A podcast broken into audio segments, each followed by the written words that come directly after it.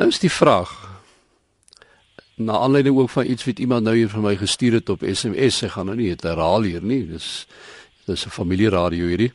So uh, kom ons sê maar net, is jy 'n kritikus of is jy 'n kritikaster?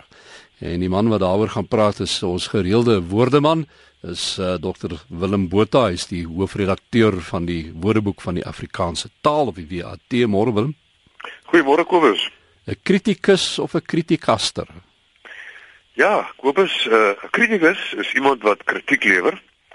En uh ons weet dat uh, kritiek kan negatief of positief wees, alhoewel die meeste van ons uh, sien kritiek net as iets negatief. Maar uh, daarom praat ons van positiewe, konstruktiewe of opbouende kritiek teenoor dan nou negatiewe kritiek. Kritiek is 'n oordeel wat mense oor iets of iemand uitspreek of 'n beoordeling van iets of iemand. Daarom word 'n resensent ook soms 'n kritikus genoem. Uh so Leon van hierop uh, kan jy 'n resensent of 'n kritikus noem. Uh, kritikus beoordeel letterkunde, rolprente, drama produksies. Maar hy is nou nog hier, so hy gaan hom nie 'n kritikaster noem nie. nou, wat is 'n kritikaster dan nou? Nou 'n kritikaster is 'n onbevoegde, onbillike of 'n fitterige 'n kritikus kritikus.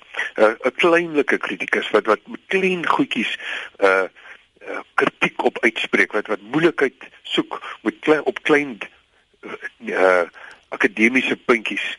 Ek het 'n paar pragtige aanhalinge oor kritikaster uit die WAT wat ek met jou wil deel. Asseblief.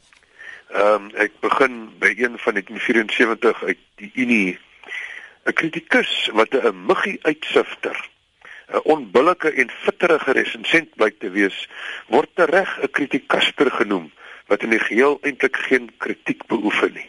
Hy is net negatief. Mooi woord daai, nee, 'n muggie uitsifter. 'n Muggie uitsifter, jy sien dit, nee. Ja. Nog enetjie Hierdie manne en vroue verdien groter erkenning as die gedurende skimpskete hierdie walstaners. Soos enige organisasie wat sy sout werd is, het die SAOU sy kritisie en sy kritikasters, sy bouers en sy slopers, sy mouoprollers en sy passasiers, sy sweters en sy swetsers. Mm. Dis nogal mooi, sy sweters en sy swetsers. Mm. Um, nou daai skimpskete is, is 'n baie mooi woord. Ons kry dit uit Nederlands en dis 'n verwyd of 'n belediging en uh, is dikwels verkleinerend of hoonend uh soos 'n mens ook kan sê. Mm skimpskeet.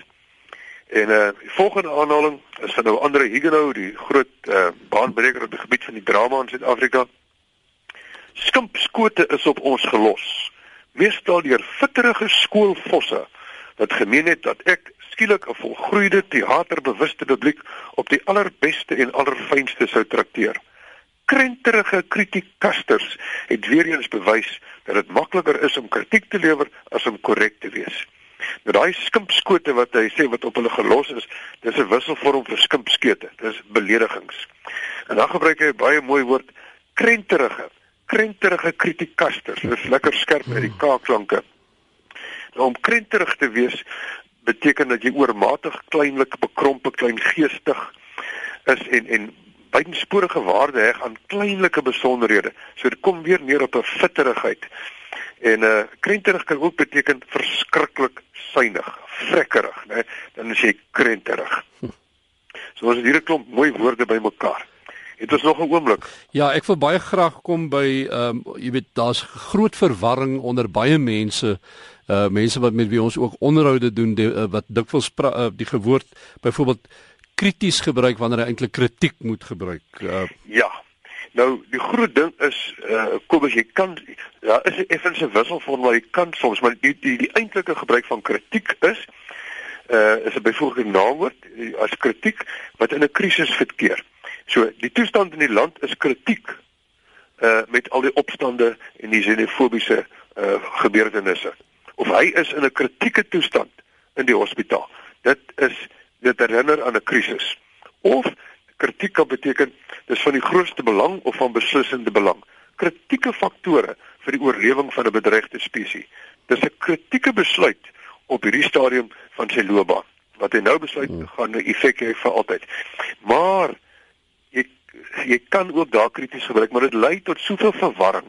Eintlik moet jy daarvan kritiek praat. En krities beteken eintlik wat kritiek uitoefen. En Uh, hy's 'n baie kritiese persoon en dit het gewoonlik 'n negatiewe betekenis. Ehm um, dit word gewoonlik maar negatief bedoel.